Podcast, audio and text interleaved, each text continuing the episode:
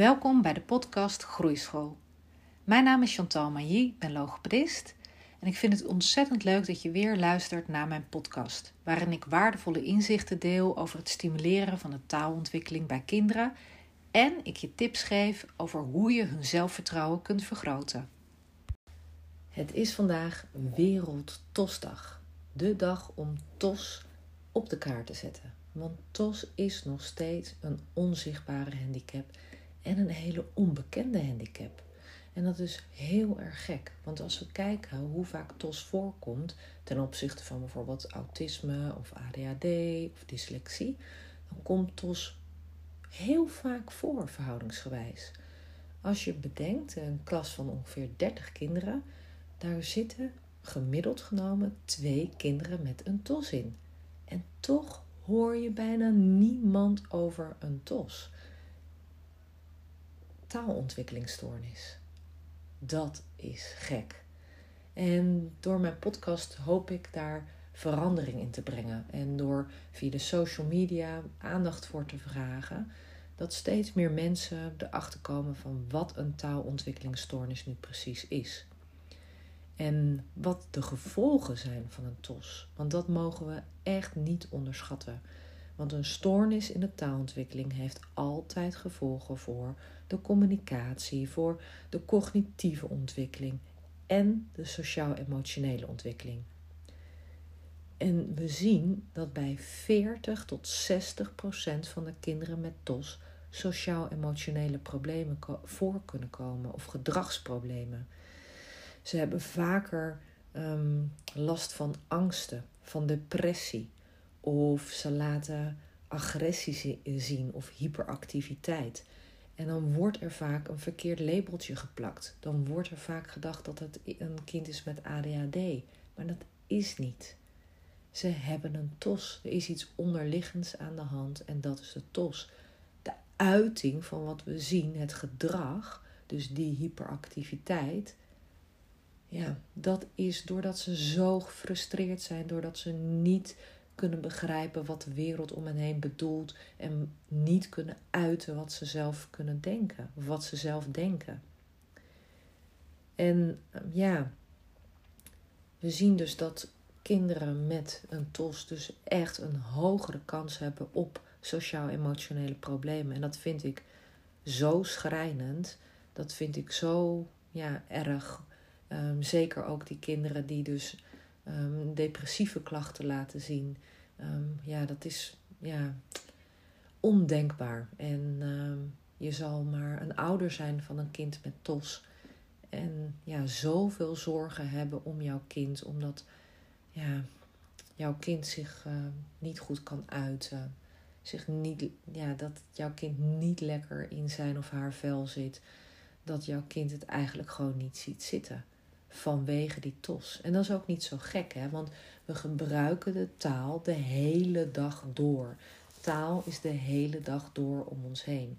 Met taal maak je contact.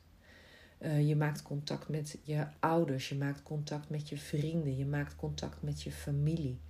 En dat kan met woorden, maar kan ook met lichaamstaal, hè, met natuurlijke gebaren, met mimiek. Maar ja, een kind dat over weinig taal beschikt, heeft zoveel meer moeite met het maken van contact.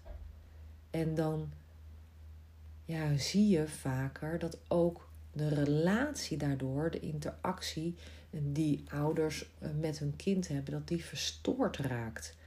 Ehm, omdat um, kinderen in dus communicatie met hun ouders vaak minder positief en meer negatief gedrag laten zien. Waarom? Ze weten niet hoe het moet. Taal eh, stuurt ook het denken, taal stuurt ook het handelen. En ze zijn gewoon gefrustreerd omdat ze de wereld om hen heen niet begrijpen, omdat ze niet begrepen worden. En ja, je ziet dus dat ook ouders het opvoeden van een kind met TOS echt als een zware belasting uh, zien. En ik zou dan echt uh, zou ik, uh, aanraden om het boek van Helene Gorter te lezen.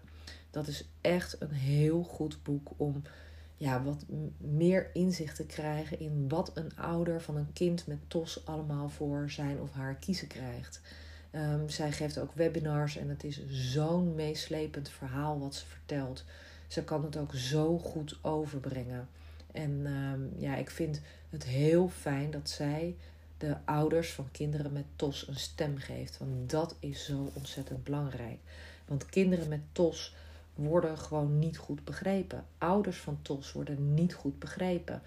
Want ja, taal is toch iets wat vanzelf gaat. Dus dan heb je als ouder zijnde misschien wel onvoldoende voorgelezen. Of je hebt niet genoeg tegen je kind gesproken. Of als je meertalig bent, dan zal dat wel komen omdat je het Nederlands niet aangeboden hebt. Er zijn zoveel oordelen over kinderen met TOS en over hun ouders. En die hoop ik echt weg te nemen. TOS is net zo'n handicap als dyslexie. En dyslexie lijkt een soort van ja, modeding te, uh, te zijn. Het lijkt soms wel een beetje modern te zijn en hip te zijn als je kind dyslectisch is. Er wordt te pas en te onpas wordt er met die term gesproken. Als het lezen eventjes niet op gang komt, oh dan zal die wel dyslexie hebben. Dat is veel meer geaccepteerd. Veel meer geaccepteerd dan TOS. Dat was lang, uh, nog niet zo lang geleden, was dat bij dyslexie ook niet zo, hè, dat het geaccepteerd werd. Maar gelukkig is daar echt een grote inhaalslag in ge uh, gekomen. En dat, ja, ik zit nu 20 jaar in het vak wat betreft de dyslexie. En ik heb in die 20 jaar heb ik gelukkig echt een omslag gezien in hoe kinderen met dyslexie benaderd worden. Ze worden niet meer gezien als dom. Ze worden echt gezien als een kind met een probleem, met een handicap. Nou, en dan is het nu tijd om ook die kinderen met TOS te ondersteunen en om voor die kinderen te strijden, zodat ja, zij een stem krijgen, zodat zij, hè, wij kunnen de spreekbuis zijn voor de kinderen met TOS. En hoe meer mensen begrijpen wat een taalontwikkelingsstoornis nu precies is en wat voor gevolgen een TOS heeft, ja, hoe fijner dat is voor de kinderen. Want dan voelen ze zich gewoon meer begrepen. Dan voelen ouders zich ook meer begrepen. Want ouders met een kind met TOS krijgen het echt wel um, ja, voor hun kiezen. En we zien dus ook dat ja, kinderen met TOS, die hebben gewoon minder taal tot hun beschikking om hun ja, bedoelingen te verwoorden. Ze begrijpen ook minder goed de uitleg van anderen die gegeven worden over emoties en gedrag. En dat betekent dus ook dat ze weinig met anderen praten over wat ze voelen, of over wat ze willen of wat ze denken. Ze kunnen emoties dus ook minder goed herkennen. Ze, ja, ze voelen zich vaak niet begrepen. En ze begrijpen dus weinig van het gedrag van anderen. En ja, wat je dan ziet als een kind daarin terechtkomt, is dat kinderen met TOS echt kunnen exploderen op de momenten dat ja, die emoties die ja, onbenoemd kunnen zijn, niet herkend zijn, als die dan ja, naar de oppervlakte komen en uitbarsten, dan, dan, ga, dan schieten ze gewoon, ja, dan kunnen ze zich niet meer sturen. Dan is het gewoon de emmer die overgelopen is. En dan zie je dat ze zo'n vol hoofd hebben uh, en zoveel emoties ervaren dat ze het, dat moet wel op een bepaalde manier het lichaam uit. En dat laten kinderen ook gewoon vaak zien door gedrag. En dat gedrag wordt weer beoordeeld als negatief gedrag. Maar goed, kinderen met TOS kunnen niet anders. Ze hebben de woorden niet. En als je de woorden niet hebt om je frustratie of je verdriet of je boosheid te delen, ja, dan doe je dat wel op een andere manier. En sommige kinderen trekken zich heel erg terug, hè, die worden heel stil en teruggetrokken. En andere kinderen worden juist heel druk en die laten echt wel van zich horen. En, eh, maar goed, voor allebei de kinderen, of het nou teruggetrokken gedrag is wat meer geaccepteerd wordt dan uh, dat hyperactieve, drukke, clowneske gedrag. Dat wordt vaker als negatief gedrag gezien.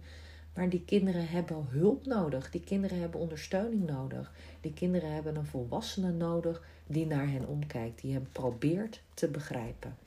En dat hoop ik dat je door het luisteren van deze podcast over, nou vooral ook over TOS, dat is uh, mijn, uh, mijn, uh, mijn hoofdonderwerp, ja, dat je er gewoon meer begrip voor kunt opbrengen. Want ja, bij kinderen, ja, je ziet ook gewoon dat deze kinderen gewoon vastlopen, ook later. Ze taal is de toegangspoort tot kennis, hè, wordt wel eens gezegd.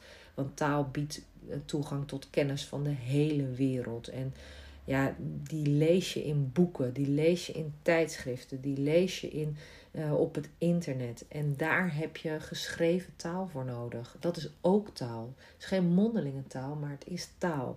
En kinderen met TOS hebben daar dus ook ontzettend veel moeite mee. Dus wat zie je? Op school kunnen ze ook de lessen minder goed volgen. Ze missen gewoon een deel van ja, de bedoeling van zowel de mondelinge taal als de, eh, de geschreven taal. En ze hebben ook veel meer moeite om zichzelf mondeling of schriftelijk te presenteren. Dus zij lopen op een gegeven moment ook achter op het gebied van een kennis, het kennisstukje. En vaak zien we dus dat kinderen ja, de moed verliezen op school. Ze kunnen niet meer. En dan ook dan wordt er gedacht van ja, nou dan zien we gedrag en dan ja, nou ja, dat kind is ongemotiveerd of dat is lui of dat let niet op. Terwijl ja, het kind weet gewoon eigenlijk niet wat het met al die taal moet wat het aangeboden krijgt. Of het nou mondeling of schriftelijk is. Dus ze dwalen af. Ze volgen het niet meer. Ze kijken bij andere kinderen af wat de bedoeling is. Maar hoe onveilig is dat als je niet goed weet wat er van je verwacht wordt en dat je dat ook dus niet goed kan um, uiten? Dat is ook nog eens een, een ding. Dus ja, um, een TOS heeft heel veel invloed op de sociaal-emotionele ontwikkeling, op het volgen van onderwijs. Want dat is mondeling, dat is geschreven taal. Ja, nog te weinig visuele ondersteuning. En dat hebben deze kinderen met TOS zo hard nodig. En daardoor zie je dus dat ook uh, kinderen met TOS eerder uitvallen op, van school. Hè? Dus dat ze eerder school verlaten, dat ze stoppen. Of dat ze een lager niveau uh, onderwijs volgen dan dat ze eigenlijk zouden kunnen. En dat ze ook later in hun werk vastlopen. Dat er niet uitkomt wat erin zit. Dus dyslexie hebben we meer begrip voor tegenwoordig. Maar laten we dat ook alsjeblieft voor TOS hebben. Want beeld je is in dat je de woorden niet hebt om je te uiten. Ik kan deze podcast kan ik opnemen. Um, ik heb de woorden in mijn hoofd. Ik kan de zinnen maken om en ik kan mijn verhaal duidelijk overbrengen naar jou. Jij kunt naar mijn podcast luisteren. Jij kunt begrijpen wat mijn woorden betekenen, wat mijn zinnen inhouden, wat eh, voor onderliggende boodschap ik wil meebrengen. Kinderen met TOS lopen dit soort dingen mis en lopen hier dus continu tegenaan. Onze wereld is een talige wereld, maar de wereld van een kind met TOS is dat niet. En kinderen met TOS hebben onze steun nodig, ons begrip nodig om hen verder te helpen richting een mooie toekomst. Want dat is wat ze verdienen. Dankjewel voor het luisteren. Nog even kort een paar belangrijke dingen. Ten eerste, het is mijn missie om meer aandacht te krijgen voor taalontwikkeling en TOS, taalontwikkelingsstoornissen. Meer aandacht voor wat een kind wel kan en meer aandacht voor het bouwen aan een stevige taalbasis, zodat ieder kind met vertrouwen de toekomst tegemoet kan gaan. Daarom maak ik deze podcast voor jou. Ten tweede, wil je alle podcastafleveringen overzichtelijk onder elkaar? Abonneer je dan op deze podcast. Klik in je podcast-app op de button abonneren. Elke keer als er een nieuwe podcastaflevering gepubliceerd wordt, ontvang je dan automatisch een berichtje. Ten derde, ondersteun je mijn missie? Geef me dan een review via je podcast-app, bijvoorbeeld iTunes of Spotify. En op die manier kan ik nog meer professionals en ouders bereiken. Ken je een collega voor wie deze podcast ook interessant is? Dan zou het super zijn als je hem of haar de podcastaflevering doorstuurt. Ik vind het ook altijd superleuk om berichtjes te ontvangen van luisteraars. Om te horen wat je van de podcast vindt. Of als je vragen of suggesties hebt. Stuur me maar een berichtje naar chantal.groeischool.nl of stuur me een connectieverzoek op LinkedIn. Bedankt voor het luisteren en tot de volgende aflevering.